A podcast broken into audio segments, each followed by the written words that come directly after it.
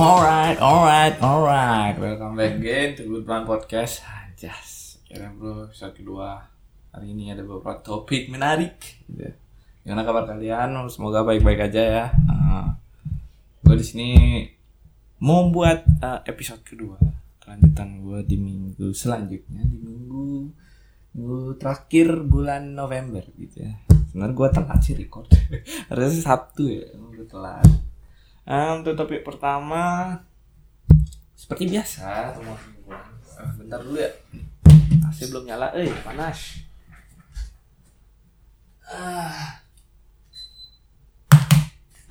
Alright uh, temuan-temuan namanya temuan mingguan. Ya biasa. One Piece chapter terbaru akhirnya salah satu karakter yang banyak disukai orang. Luna Zoro akhirnya dia sudah menguasai eh belum menguasai sih akhirnya dia sudah fix bisa menggunakan uh, haki raja. Tapi tapi daripada bahas One Piece mungkin gue harus mereview dikit ya keadaan internet sekarang. Sebenarnya adem-adem aja tidak ada uh, kebisingan atau huru hara huru hara di dunia internet sekarang. Tapi yang lagi rame kemarin sih tren membuat story itu kayak nama-nama panggilan gitu. ada beberapa orang yang kayak ya asikin aja. Ada beberapa orang yang yang sok-sok kritis gitu ya. Wah ini bahaya nih tren-tren kayak begini bisa membahayakan diri. Ya, pinjol pinjol lah ya nih pinjol. Data-data anda akan dicuri oleh pinjol. Nah mungkin nah itu sih update tentang ributan terus apa lagi ya kayaknya itu aja sih. Sekarang ada lagi tren why Sagittarius so why Sakopikon nah, ada tren kayak gitu nggak jelas. Terus ada tren TikTok yang gue nggak tahu sih gue nggak punya TikTok. Cuma kan biasa lah kalau ada tren di TikTok itu kesebar videonya di Instagram atau di TikTok. Tren buat video backlight. Nah itu pamer otot gitu kan. Pamer dada gitu biasa lah TikTok apalagi yang mau dijual di TikTok. Kalau bukan hoax. Tete tete couple goals gitu doang mah di TikTok.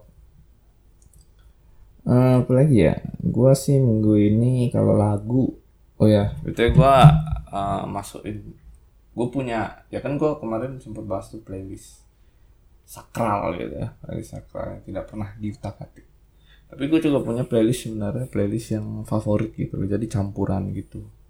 Beberapa lagu. Nah akhirnya ada update nih di di playlist yang favorit gue gue masukin lagunya Rick Astley Never Gonna Give You Up. Seperti intro. Good Brown Podcast.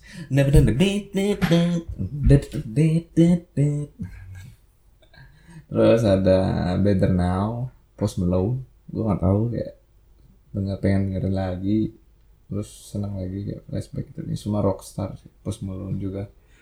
Ah uh, ya begitulah sih. Update kalau lagu ya belum ada yang sama. Gue nemuin salah satu lagu di YouTube. Pertama nemu di IG itu sih cuma nyari di YouTube. Tahu nggak yang uh, ringtone HP terus di remix di anime. Tapi gue lupa nih lagu anime apa gitu gue putar bentar. Hmm, gue jadi nada dering ini ya emang sih gue wibu gitu emang. Tapi sekalian lah bagus sih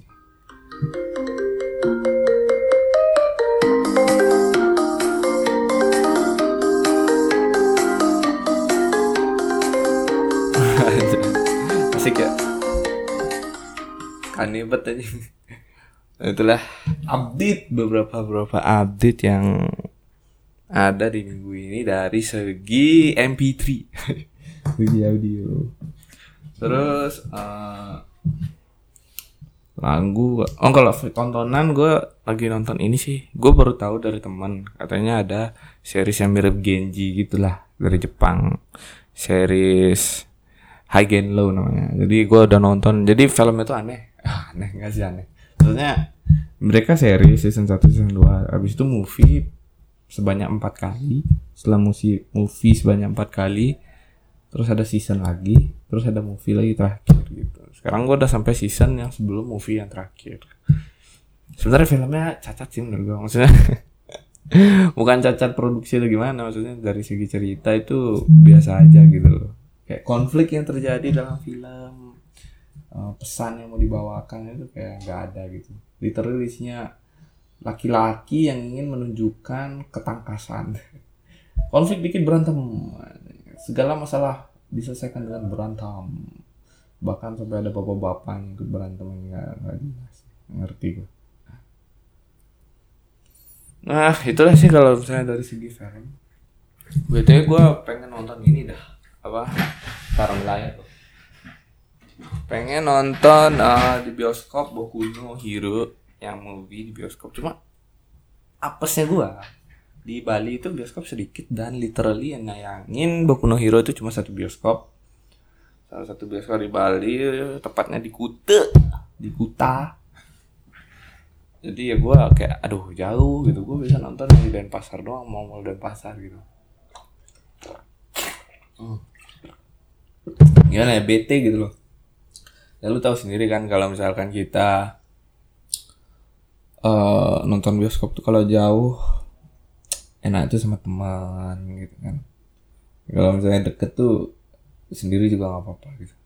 Gue malas gitu nyari teman wibu teman wibunya ada punya teman wibu circle lain gitu. Jadi gue bingung. Sebenarnya gue sih oke oke aja sih bareng sama circle itu gitu. Cuma bareng nggak apa-apa.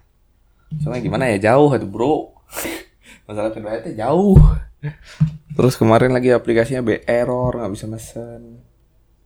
Nah, ntar nih kok aslinya aneh? Nah. Ah terus itu sih dari dunia perfilman. Kalau misalnya dari email mari kita cek. Apakah ada yang mengirim cerita? Anjas udah kayak terkenal gitu bro.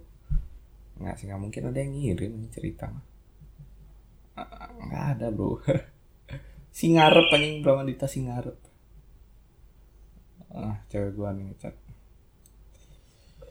uh, aduh. So itu sih kalau film musik entertainment apa lagi entertainment gua. Oh ya gua mungkin sedikit sharing ya. Ini mungkin bukan dari dunia temuan mingguan ini cuma kayak curhat-curhat gua di minggu ini. Jadi gua di minggu ini tuh kedatangan teman gua yang kuliah di Unpad gitu. Dia datang ke Bali kayak ya seperti bocah milenial zaman sekarang lah. Kerja dikit mungkin feeling ke Bali gitu sambil kerja gitu kan. Karena memang kerjanya kan work from home. Jadi ya mungkin kerja ke Bali gitu lah. Terus dia tuh kayak uh, ya bisa dibilang dia penganut salah satu agama yang tidak menganjurkan mungkin melarang lebih tepatnya memakan babi dan minum arak. Tapi namanya juga manusia ya. Uh, akhirnya dia uh, dia bilang sih ke gue kayak uh, Bram di mana nyari arak Bali? gitu. Ini teman gue nitip ada gue kasih lah kontaknya dengan arak. Tapi biasa-biasa dia bingung gitu. Ini cara bawa pulangnya gimana? Terus gue pikir kenapa lu bingung aja ya nanti kalau ketahuan sama gue gimana? Bisa dicoret gue dari kakak. Lah bilang aja titipan temen. Ternyata dia baru ngaku ternyata yang pengen dia yang nyoba gitu. Terus gue pikir ya minum aja di Bali. Ini dia mungkin karena bingung ya. Dia bingung kayak dia mikir kayak di Bali itu kayak di luar gitu. Nggak bisa minum tuh di sembarang tempat gitu. Kalau di Bali kan lu minum di trotoar nggak ada yang peduli anjing. Biasa aja. Jadi, tapi akhirnya ya dia agak bertele-tele sih juga wah dosa ini apalah. Babi juga tiba-tiba gue aja makan babi nggak mau. Katanya aku pengen ma makan babi tapi lu jangan bilang kalau itu babi. Biar gue nggak dosa. Eh ribet banget aja terus gue ternyata gue baru tahu kemarinnya sebelum dia ketemu gue dia udah minum alkohol gitu. Lah. Terus gue kayak bilang gini ke dia kayak ya lah sama-sama dosa anjir saya dosa aja lu milih-milih gitu. Mau minum alkohol? Ya makan babi? Enggak. Lu bilang makan babi dosa. Padahal nyontek di kelas aja lu udah dosa aja. Gak usah jauh-jauh aja lu nyontek di kelas udah dosa. Lu buang sampah sembarangan udah dosa. Sama aja dosa. nggak ngerti gue ada apa dengan babi. Kenapa ada babi itu kayak kayak top of the king of the god of dosa. Gimana coba dewa dosa? Pokoknya dosa yang tingkat teratas makan babi. Udah banyak dosa-dosa lain gitu. Tapi dia tapi kasihan banget sih dia. Maksudnya dia lagi jalan ke Bali tapi Bali lagi hujan mulu ini. Namanya juga Bali ya kayak summer vibes gitu kan. Vibe vibesnya tuh harus musim panas sih. Oh ada sini hujan mulu Bali hujannya besar lagi gue bayang hari ini aja gue uh, hujan. Dari gue baru bangun sampai sekarang tuh masih hujan. Emang sih sekarang udah gerimis gerimis mendung cakung cuaca mendukung aja. Itulah. Jadi ya hmm, apa saja sih dia dan temuan gue apa lagi ya? Mau share minggu ini ya seperti biasa sih gue masih sibuk kerja.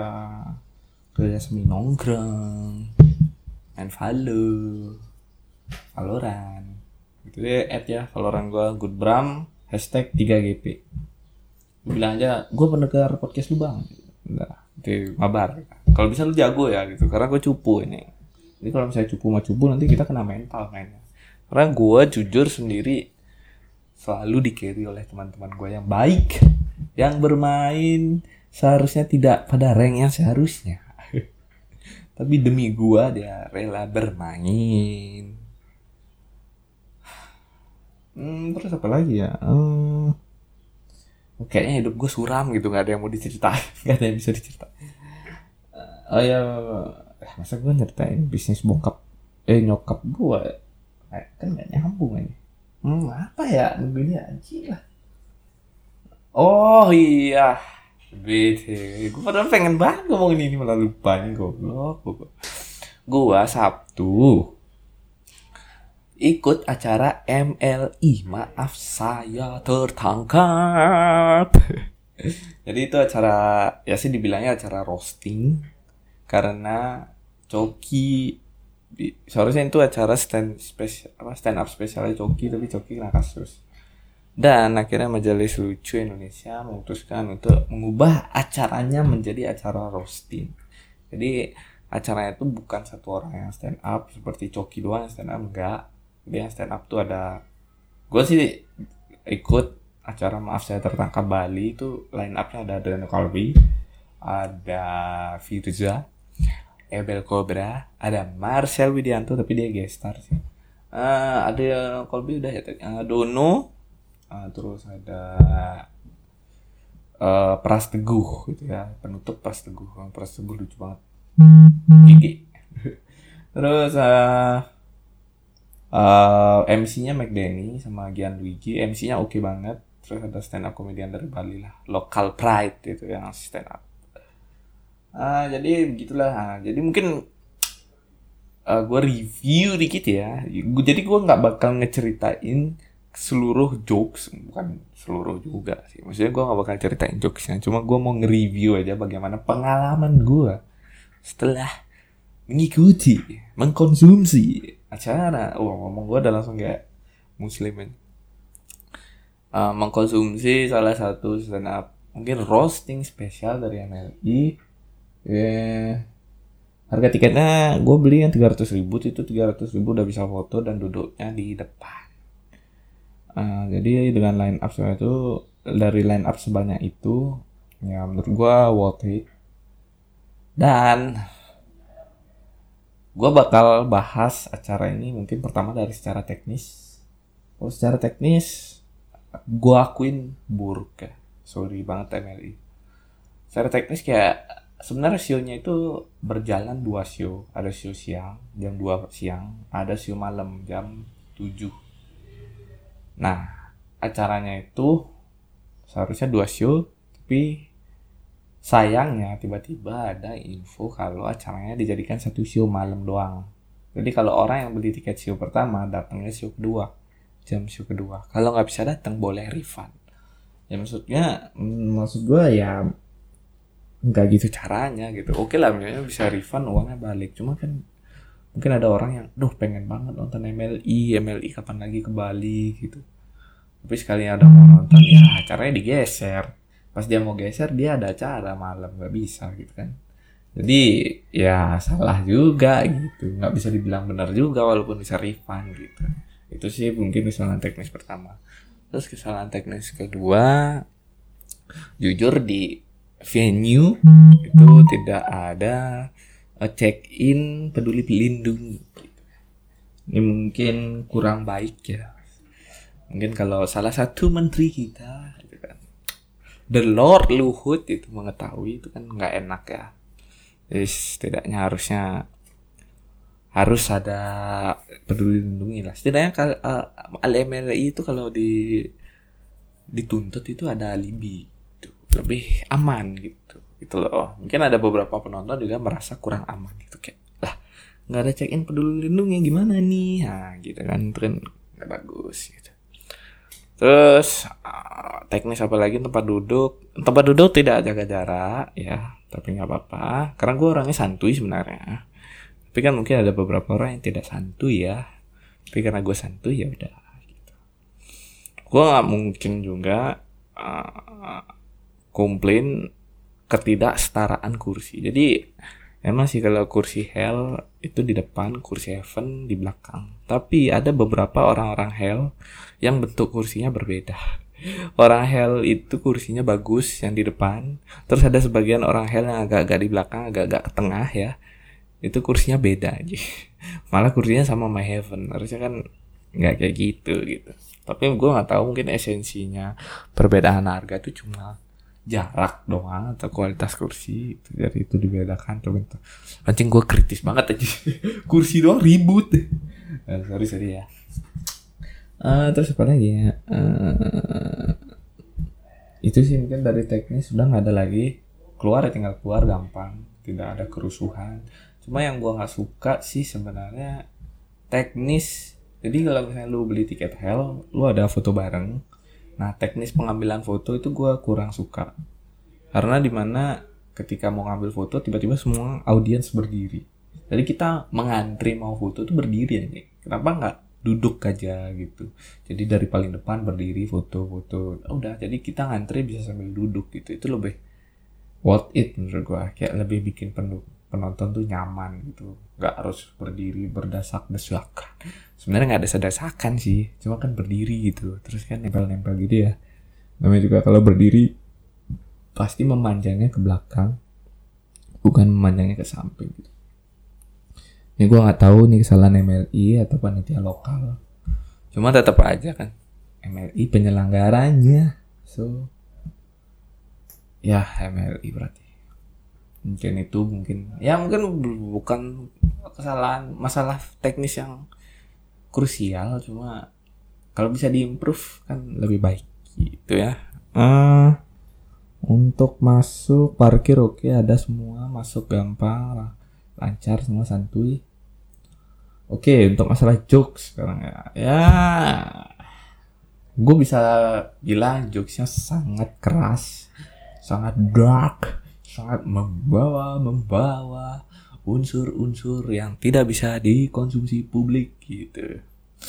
Tapi gue orangnya santuy, jadi ya udah gue masuk aja sama jokesnya gitu.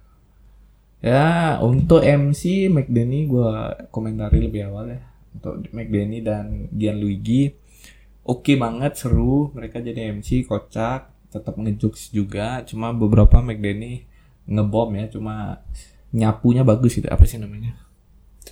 Misalnya lu ngejokes nggak lucu terus lu nyapu jadi ya ada ketawa lah sedikit gitu. Nggak terlalu mati gitu. Nah, itu bagus McDenny nice. Itu emang jam terbang membuktikan gitu ya kalau kayak kayak gitu. Ah, terus untuk Adriano Colby. Ini pendapatnya agak sedikit um, bias ya. Gue mau bahas Adriano Colby karena gue emang ngefans sama dia dan gue bikin podcast ngomong sendiri karena Adriano Colby. Dia jokesnya menurut gue lucu. Gue paling ngakak di dia. Nggak sih sebenarnya paling ngakak di Pras Teguh. Cuma di dia ngakak juga. Jadi ya lucu gitu ada yang Colby. Walaupun jokesnya pendek dia lain dia bawain materi sedikit aja. Kayaknya 10 menit ya emang itu pun 10 menit bisa kurang kayaknya tuh feeling gua terus untuk line up kedua nih agak sebel eh nggak sebel juga sih uh, line up kedua itu siapa ya Firza kalau nggak salah nah Firza itu kayak sebenarnya jokesnya brilian, personal brandingnya brilian juga. Jadi personal brandingnya itu pelupa. Jadi dia ketika ngejokes bawa materi tiba-tiba di tengah tuh ngebalikin materi yang di awal seakan-akan dia lupa. Dia gitulah. Pokoknya tapi nggak tentang lupa doang, makanya tetap ada isinya jokesnya gitu. Cuma gimana ya, setiap dia memulakan gimmick-gimmick komedi pura-pura lupa tuh kayak udah ketebak gitu momennya. Di gua ya. Kayak dia bilang pura-pura lupa tapi gue kayak udah tahu kayak nah sekarang dia mau ngomong pura-pura lupa nih nah sekarang dia mau ngomong jokes yang sebelumnya nih seakan-akan lupa gitu kayak gue tuh udah tahu momentumnya gitu jadi nggak lucu. Tapi gue su support aja ya tepuk tangan lah ketawa-ketawa dikit. Lah terus untuk line up selanjutnya malah si Ebel Cobra. Ini gue benci sorry banget Ebel Cobra. Gue gak nyalahin lu genre komedi lu kayak gimana. Mungkin bukan selera gue aja tapi gue mau komen aja. Komedi lu terlalu absurd sampai tidak bisa dikonsumsi bahkan di mata gue tuh bukan komedi lu cuma gila aja. Nggak tahu apa yang dipikirin sama Abel Cobra. Gue nggak tahu siapa pengikutnya Abel Cobra. Gue nggak tahu orang kayak apa yang paham jokes Abel Cobra. Gue nggak tahu. Lah ah uh, entahlah mungkin dia personal branding. Gue gue paham banget sih sebenarnya Bel Cobra tuh kayak gitu gaya genre jokesnya untuk personal branding. Gue paham banget gitu. Cuma nggak masuk aja di gue dan gue tuh nggak tahu orang kayak apa gitu. Nggak gimana ya? Kayak gue bilang salah satu imam besar. Ya gue sebutin imam besar gue gak nyebutin nama gue gak bilang nyebutin imam besar daerah mana negara apa gue gak nyebutin. Misalnya ada salah satu imam besar stand up comedy. Nah kita udah tahu dong materinya mungkin sekitar apa yang dengerin juga eh, orang-orang kayak apa gitu. Nah kalau Ebel Cobra gue gak tahu anjing. Gue gak tahu. Ini orang macam apa yang ngerti jokes kayak gini gitu? Nggak tahu gue nggak paham jujur gue agak kesel sih ini orang ngapain sih monyet? Udah nggak lucu ganggu gitu. Mending kayak orang ngejokes nggak lucu gitu ya ini udah ngejokes nggak lucu ganggu lagi. Ah oh my god. Tapi gue kayak waktu dia stand up tuh gue pengen dia berhenti stand up. Kapan nih materinya habis? Kira saat dia materinya habis kira the Lord mengambil mic. The Lord Marcel Widianto. Marcel Widianto awal-awal bagus um, menghibur. Jadi ya seperti biasa lah jokesnya Marcel yang sekarang sudah agak kaya ya. Uh, dia membawa materi kenoraan dan kegagapan apa sih namanya? Gagap ketenaran gagap kekayaan gitulah seperti materinya dia sekarang personal brandingnya dia sekarang lah. Uh, dia bawain kayak jokes jokes TV terus dia kayak bilang ini kalau jokes TV ini lucu loh nih ya yang ya yang ledek ledek komedian lain yang nggak sekaya dia. Nah gue suka tuh juga dia ada gimmick lah. Tapi gue nggak mau cerita gimmicknya apa. Pokoknya gimmick tentang keartisan keselebritian gitu yang gimmicknya. Dan it works. Lucu. Nah setelah itu dia tetap juga bawain dark. Mungkin karena emang dari MRI jadi dia tetap dark jokes juga next Dono wah Dono kocak sih caur sih orang. Emang gue beli tiket juga pengen ada Dono ada Tretan ada Adriana Colby ada Pras Teguh. Tapi saya cuma Tretan nggak ketemu di event itu. Sisanya yang gue cari ada Dono lucu banget. Gue tahu pola pikirnya dia. Dia emang ya komedi dia tuh cocok sama genre gue gitu genre komedi. Jadi gue dapet minum dulu bro.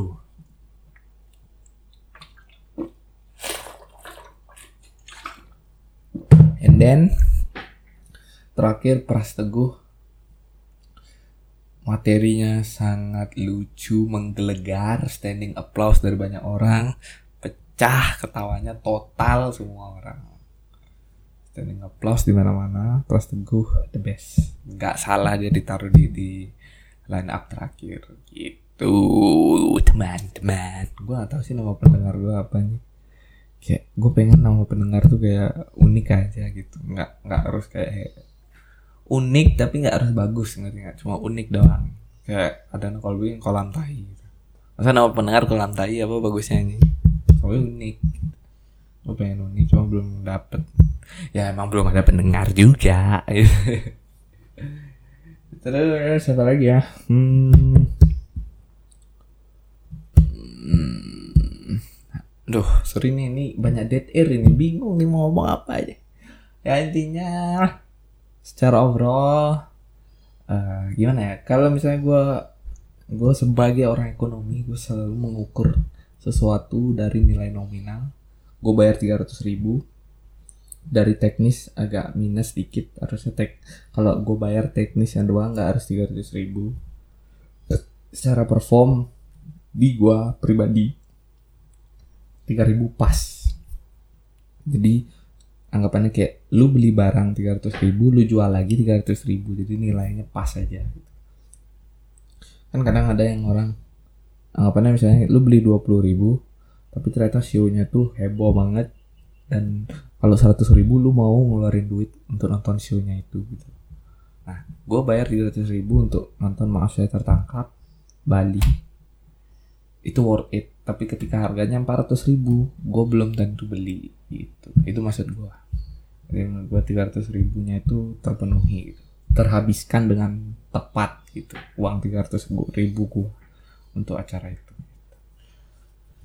itu saya temuan mingguan. Terus minggu gue ngapain ya? Nah, ada sih minggu main Valdo dong. no lab. Dari libur kerja masih aja depan layar ini. Kerja depan layar tolol emang. Juventus ngentot juga. Juventus kalah loh Atlanta tuh kosong tai lah. Fucking hell man. Di bala nggak main sih emang. Cuma permainannya buruk kan yang Juventus. Kayak possession ball di wilayah pertahanan Juve tapi kayak ketebak gitu sama musuhnya. Even gue yang nontonnya ketebak gitu. Gue tahu dia mau ngoper ke mana ketika ketika build up play selalu ngoper ke back kanan. Back kanannya bingung ngoper siapa. Otomatis ngoper striker atau gelandang yang ketarik ke belakang untuk bantuin. Tapi ketika ngoper perannya nggak berkualitas receive ball yang nggak berkualitas sudah bola hilang. Gitu mulu. Anjing anjing. Gitu mulu terus uh, mungkin udah kali ya temuan mingguan. Ini kita lanjut ke beberapa topik hangat. Sebenarnya bukan topik hangat topik yang menurut gua hangat dan gua pengen omongin di podcast. Gua sebenarnya udah simpan beberapa topiknya. Sebenarnya rata-rata topiknya dari twitter. Uh, ya? Nah nih. Ada orang nge-tweet lu tahu kan Twitter sekarang ada sistem polling kan? Kayak ada pilihan ganda gitu. Ada orang nge-tweet dia nge-tweet tulisannya begini. Tanpa mempertimbangkan agama dan tradisi secara pribadi kalau lu meninggal lu mau uh, kayak proses kematiannya tuh mau diapain gitu? Kayak mau dibakar atau dikubur gitu. Nah pilihannya tuh ada dikubur kremasi sky burial embalmed. Gue nggak tahu embalmed apa sky burial apa. Tapi ketika lu lihat respon publik karena ini lumayan rame respon publik rata-rata isinya menyumbangkan uh, organ tubuh kepada orang yang membutuhkan. Rata-rata ya gue nggak bilang semuanya nih. Kayak ada satu orang bilang organnya didonasikan badannya dikuburin pakai peti gimana sih maksudnya? Nggak logikanya gini ya kalau lu mati ya oke lah kalau lu mati dalam keadaan muda oke okay, organ lu bakal didonasikan. Tapi emang lu udah ngerencanain. Maksudnya lu di umur segini lu nggak mikir bakal lu lu waktu dekat bakal meninggal. Oke okay. ya kan? Udah pasti dong. Masa lu udah mikir meninggal umur segini kan? Otomatis lu belum bilang ke keluarga lu kalau lu mau meninggal dengan cara mendonasikan organ. Oke. Okay. nah kalau lu mati lu nggak bisa mengeksekusi keinginan lu karena lu ya mati urusan orang itu nah tapi kalau misalnya lu mati di umur tua dan lu udah tahu nih oh gue udah tua gue bentar lagi meninggal gue mau meninggal menyumbangkan or organ gitu. Logikanya gini bro lu mati karena tua berarti organ lu tuh udah gak berfungsi dengan baik men. Lu udah tua udah usang kayak mesin. Ya kalau lu donasiin organ lu buat apa? Gue tanya gitu. Oh organ lu belum nggak sebagus itu bro. Ah begitulah. Jadi serba salah sih sebenarnya respon. Dan semakin gue scroll rata-rata ya jawabannya semua seperti itu nah, itu sih. Tapi kalau misalnya nanya gue mau meninggal gue diapain? Terserah sebenarnya yang ngurusin gue terserah. Keluarga gue terserah tapi kalau gue bisa ngatur dan gue tua dan gue mau merencanakan misalnya seminggu lagi gue mau meninggal gitu gue udah puas hidup udah puas happy happy gua bakal uh, dibakar kremasi pakai duit gue sendiri. Tabungan terakhir gue bang gue pakai untuk menguburkan diri gue sendiri. Pakai duit gue dulu. Jadi gue duit jadi tidak ada orang yang kerugikan. Mengalami kerugian terbebani maksud gue dan tinggal datang aja gitu. Tempat teman-teman gue berkumpul kerabat gue berkumpul di acara kematian gue gitu. Tanpa mereka harus mengeluarkan duit sepeser pun tanpa mereka harus mengeluarkan tenaga sedikit pun hanya cukup menyempatkan waktu untuk datang. Tuh atau kalau organ gue masih bagus ya udah. Gue sumbangkan ke tempat pendidikan kedokteran atau pendidikan medis seperti itu. Itu cuman-cuman sih gue nggak tahu mungkin lu mau ngerespon apa? Mungkin nanti gue taruh ya uh, pertanyaan di podcast lu bisa respon lah. Kasih tanggapan lu gimana kalau lu meninggal gimana? Uh, terus ada tweet lagi yang Wih ini likesnya sampai 43 ribu. Jadi tweet, tweetnya tuh isinya gini. Nyari kerja tuh emang salah satu fase berat di hidup Pasti ada beban internal Tapi at the same time juga masih nggak tahu mau ke mana Terutama fresh graduate Ya gua salah satunya Gue belum bukan fresh graduate Graduate deh Gue bukan fresh graduate Tapi gue nyaris jadi fresh graduate Kadang bantuan dari orang lain entah cuma sekedar ngirim info loker doang pun mungkin bisa terasa menyinggung buat lo. Enggak, aku gak tersinggung. Lu aja kali baper. Nggak, logikanya gini, kalau misalnya lu fresh graduate, lu dikasih lowongan kerja, lu tersinggung, lu tai namanya. Lu baper lu kayak kontol gitu. So itu sih, gue kasar. Baper lu tuh kayak kontol gitu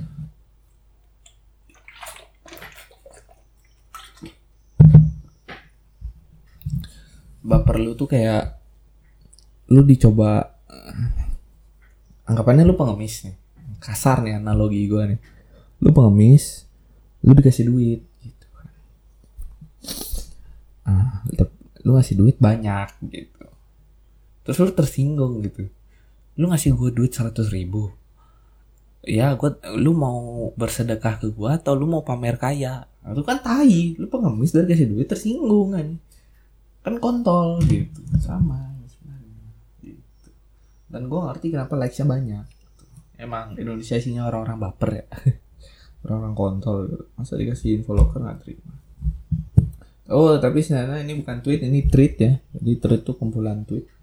Yang berurutan. Terus tweet selanjutnya lanjutannya itu gue pernah dengerin curhatan temen gue. Intinya dia sebel karena keluarganya suka ngirim-ngirim vlogger gitu. Ya bagus dong. Dari point of view dia dia merasa keluarganya seolah-olah dia lihat dia nggak usah cari kerja dengan ngirim vlogger pokoknya bisa dia masukin padahal keluarga kan niat niat bantu sebenarnya. Itu kan benar keluarga tuh niatnya bantu tapi lu nya sewot. Aneh. Tapi pendekatannya juga salah sih soalnya nemu pekerjaan yang sesuai dan pas itu emang jurus individu ada caranya ada ca ada yang caranya nyoba semua opportunity yang di depan mata ada juga yang udah dia udah tahu maunya apa ngejarnya di bidang itu. Ini ya lu kalau mau panggung tahu belum dapat kerja di mana. Terus lu dikasih pekerjaan infoloker banyak. Ya itu bagus gitu. Kan tugas lu yang memilah pekerjaannya cocok buat lu atau enggak. Kalau misalnya ada orang ngasih infoloker terima aja. Terima aja tapi lu nggak usah daftar. Ya lu pilah lah. Lu mau daftar di mana? Gimana sih? Eh malah nyalahin pendekatan keluarganya salah caranya kayak gitu. Riweh lu nggak bisa ngubah orang. Eh lu nggak bisa misalnya ada orang ngebantuin lu tapi lu nggak suka caranya dia ngebantu gitu. Ya lu nggak bisa kayak gitu bro. Lu mau ngatur orang lain kan susah. Mending lu atur diri lu sendiri. Gitu loh. Cara yang mengatur diri sendiri apa? Ya memilah data informasi lowongan kerja. Bukan lu nyuruh semua orang jangan ngasih info locker kayak gitu lebih ribet kan? Lebih ribet mana? Lu terima terus lu pilih atau lu ngasih tahu setiap orang yang mau ngasih informasi ke lu tentang kerja. Buat ngasih taunya jangan kayak gitu. Gimana? Lebih capek mana? Kat capek ya dapat kerja enggak lu? Kagak juga nih riweh makanya. Gue nih gue ya gue ngerti ada beberapa orang yang terwakilkan karena tweet ini tweet ini. Menurut gue walaupun banyak yang terwakilkan belum itu benar. Menurut gue itu salah. Sorry ya pandangan itu salah. Temen juga gitu kadang mungkin kita nih sebenarnya niatnya peduli dengan nanyain progres hari kerja atau ini tapi bisa jadi di fase itu temen kita lagi sensitif banget soal begituan. Jadi better tanya lu nggak kalau gue kirimin followan lu butuhnya yang, gimana? Eh riweh gitu kan kalau misalnya temennya kerja di satu perusahaan terus perusahaannya buka kerjaan. Ya masa sih minta izin? Dulu kan kepanjangan gitu sistemnya ini. Riwah kalau gimana ya? Riwah kalau segala hal tuh harus nah izin izin yang izin izin respect loh nggak? Izin izin respect ah tidak lah twitter sih emang tempatnya orang kayak gini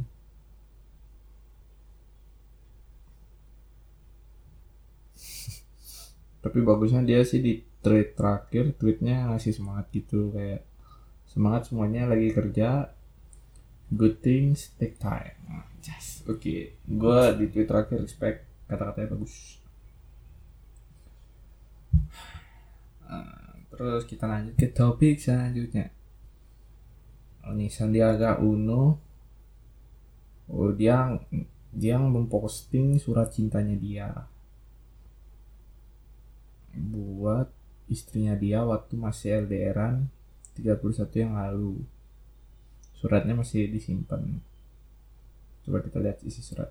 Sandi cuma ini yang bisa saya kasih kamu. Mungkin kamu udah nggak perlu lagi tapi nggak apa-apa kan sebagai kenang-kenangan jangan sampai dibuang. Udah walaupun kamu nggak suka lebih baik disimpan atau dibalikin lagi lebih aman. Jadi semoga sukses ya sekolahnya. Jangan lupa sama yang namanya Nur. Kalau udah jadi Pak Menteri ingat-ingat ya 31 tahun. Ya 31 tahun yang lalu. Pasangannya udah tahu nih Sandiaga Uno bakal jadi menteri. Hebat juga nih padahal Sandiaga Uno jadi bupati gitu nih wakil bupati wakil wali kota maksudnya. Oh mungkin dia ya ini intermezzo sih sebenarnya berita yang tidak perlu dikritisi dan tidak perlu dikomentari ya. Ini karena masalah personal dan dia memposting di twitter dia sendiri jadi nggak masalah.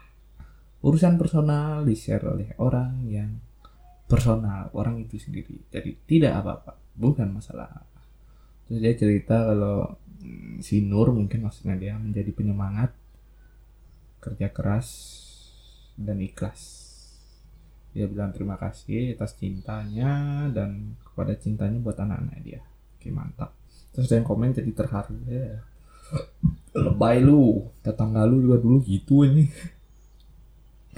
Baru Sandiaga Uno aja gitu. Nah apa-apa lah. konsumsi konten. Nah ini yang gue suka nih. The Legend Rockstar Legend Indonesia Noah membuat konser. Tapi penontonnya itu pada di dalam mobil semua tapi dia nyanyi pakai kursi roda. Jadi dia keliling mobil-mobil yang nonton dia. Dan menurut gue keren banget uh, inovasi baru memang Ariel tidak pernah tidak pernah mengecewakan emang The Living Legend suaranya oke banget emang. Gimana ya lagunya dia tuh kayak dan suaranya dia tuh kayak semua umur tuh suka dengerin anak muda orang tua tuh suka dengerin. Ya mungkin lo udah sempat lihat videonya dan menurut gue emang sih ngos-ngosan tetap sih sebenarnya tapi nggak ngos-ngosan banget gitu loh maksud gue ini mungkin gue kirimin videonya. Cepet tau eh kirim video yang gue puterin nih videonya. Jadi lu bisa denger suaranya Ariel. Apakah menurut lu dia ngos-ngosan atau enggak gitu. Eh udah. Nah ini suaranya dia waktu sebelum naik kursi roda. Masih di atas. Kalau gue begini berarti kelas satunya lah ya. Semua siap ini dia masih di atas. Jadi di depan panggung tuh ada kayak jalan turunan gitu.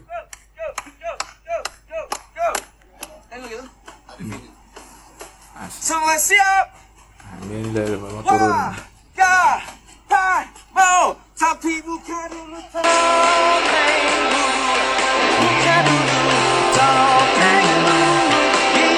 Nah, untuk ini dia ada kondisi sepatu rotor.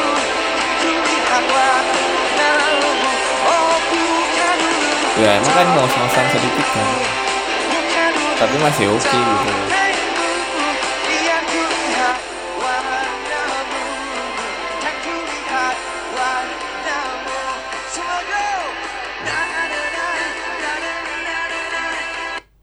Gimana menurut lu? Ngos-ngosan atau enggak?